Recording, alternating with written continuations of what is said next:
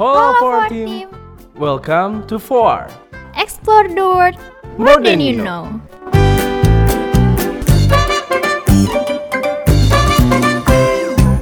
Hai for team, balik lagi dengan aku Ika. Gimana nih kabar kalian? Aku harap kalian tetap stay healthy dan stay safe. Oh iya, aku kali ini mau bawain topik yang menarik yaitu negara yang paling religius yaitu urutan pertama ada di Somalia.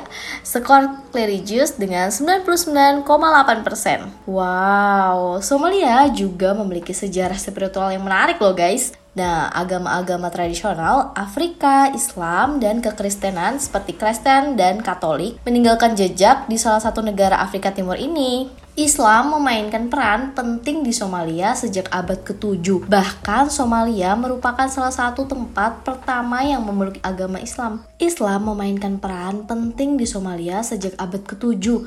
Bahkan Somalia merupakan salah satu tempat pertama yang memeluk agama Islam loh.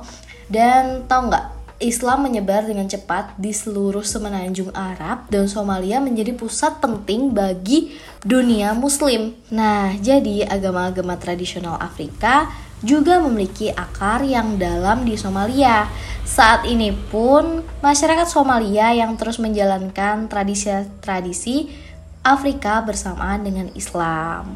Dan di urutan kedua ada Nigeria dengan skor religious 99,7%.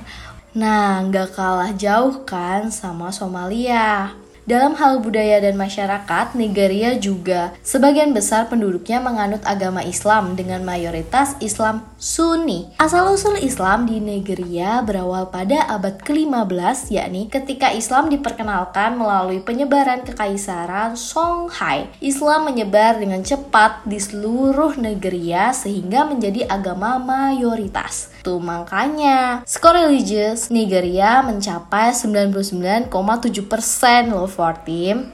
Urutan ketiga ada Bangladesh dengan skor religius 99,5%. Wah, gimana ya cara mereka untuk dapat saling bertoleransi dengan umat beragama? Yaitu ada agama Hindu, Buddha, Islam, dan Kristen meninggalkan jejak di negara Bangladesh. Buddhisme dan Hinduisme tiba di Bangladesh pada abad ketiga berdasarkan sejarah. Kedua agama tersebut dibawa oleh para pedagang dari India dan Cina. Hindu dan Buddha pun dengan cepat menyebar di kalangan kelas penguasa dan seluruh negeri dengan pembangunan kuil-kuil dan biara-biara. Tradisi keagamaan ini telah memainkan peran penting dalam membentuk identitas budaya dan spiritual Bangladesh serta terus mempengaruhi negara ini hingga saat ini. Sementara itu, agama Islam juga tiba di Bangladesh pada abad ke-6. Melalui pedagang muslim dari Timur Tengah, Islam secara bertahap menyebar di seluruh wilayah Bangladesh sehingga menjadi agama yang dominan. Urutan keempat ada Ethiopia dengan skor religius 99,3%. Ethiopia adalah negara di Afrika yang mayoritasnya penduduknya beragama Kristen menurut tradisi Ethiopia. Saat ini Frumentius dihormati sebagai santo dalam gereja ortodoks Ethiopia. Frumentius dianggap sebagai sosok penting dalam melestarikan dan mempromosikan imam Kristen di negara ini selama berabad-abad. Selain Kristen, ada juga agama Islam memiliki sejarah panjang di Ethiopia menurut sejarah. Komunitas muslim pertama yakni tiba di Ethiopia sejak abad ke-7 meskipun tetap menjadi agama minoritas, Islam telah memiliki dampak signifikan terhadap budaya dan sejarah di Ethiopia.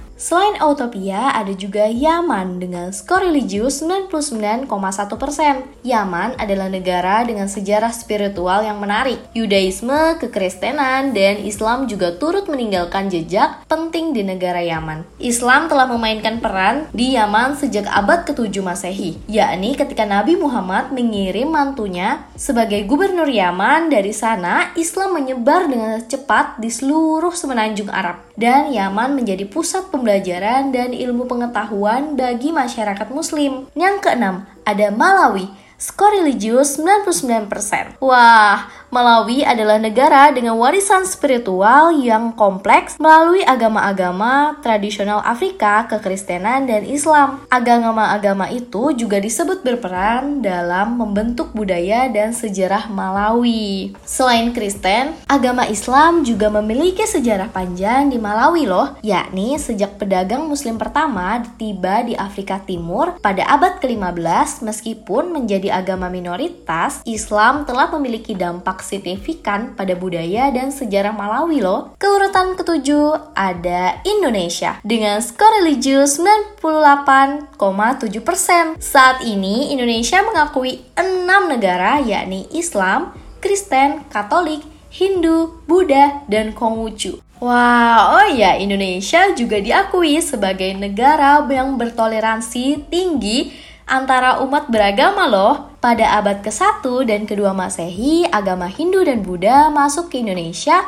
melalui para pedagang dari India dan Cina. Kedua agama tersebut menyebar dengan cepat di seluruh kepulauan dan menjadi populer di kalangan elit. Sementara itu, agama Islam masuk ke Indonesia pada abad ke-13 melalui pengaruh para pedagang muslim dari Timur Tengah. Islam secara bertahap mendapatkan pijakan di seluruh negeri dan akhirnya menjadi agama mayoritas di Indonesia. Tidak hanya bangsa India, Cina, dan Timur Tengah, bangsa Eropa juga meninggalkan pengaruhnya pada lanskap keagamaan Indonesia dengan memperkenalkan kekristenan pada abad ke-16. Keurutan ke-8 ada Sri Lanka dengan skor religius 98,6%. Sri Lanka memilih sejarah agama yang panjang dan beragam. Pulau ini juga telah menjadi rumah bagi berbagai tradisi dan praktik keagamaan selama berabad-abad loh. Buddha diperkenalkan ke Sri Lanka pada abad ketiga Masehi oleh biksu misionaris Mahinda yang dikirim oleh Kaisar India Ashoka untuk menyebar agama Buddha ke Sri Lanka. Hinduisme juga memiliki sejarah panjang di Sri Lanka. Berkat hal tersebut, Sri Lanka menjadi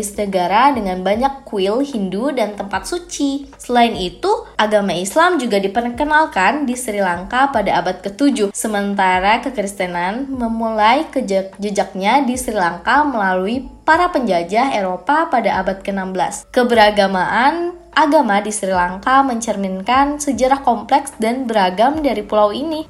Di urutan 9, Mauritania dengan skor religius 98,5%. Mauritania terletak di Afrika Utara Negara ini juga memiliki sekitar 4 juta penduduk dengan mayoritas menganut agama Islam loh. Meskipun tidak terlalu beragam, dari segi agama, Mauritania memiliki keberagaman bahasa cukup kaya. Bahasa Arab adalah bahasa resmi Mauritania, tetapi banyak penduduk yang berbicara bahasa Perancis juga, serta bahasa-bahasa lokal seperti Soninke, Polar, Wolof, Wah, walaupun mereka tidak beragam dari segi agama, tapi mereka juga kaya akan bahasa.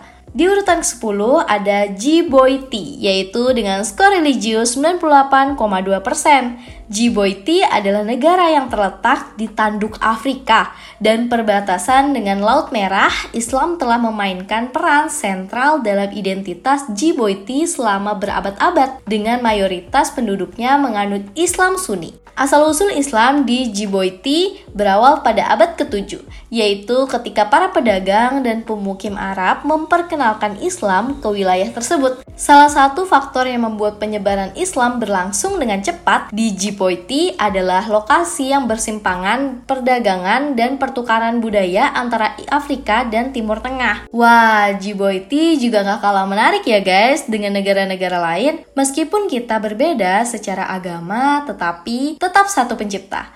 Tetap saling toleransi dan peduli satu sama lain. Mungkin cukup sampai di sini. Ika menemani kalian. Ika pamit undur diri. Bye bye.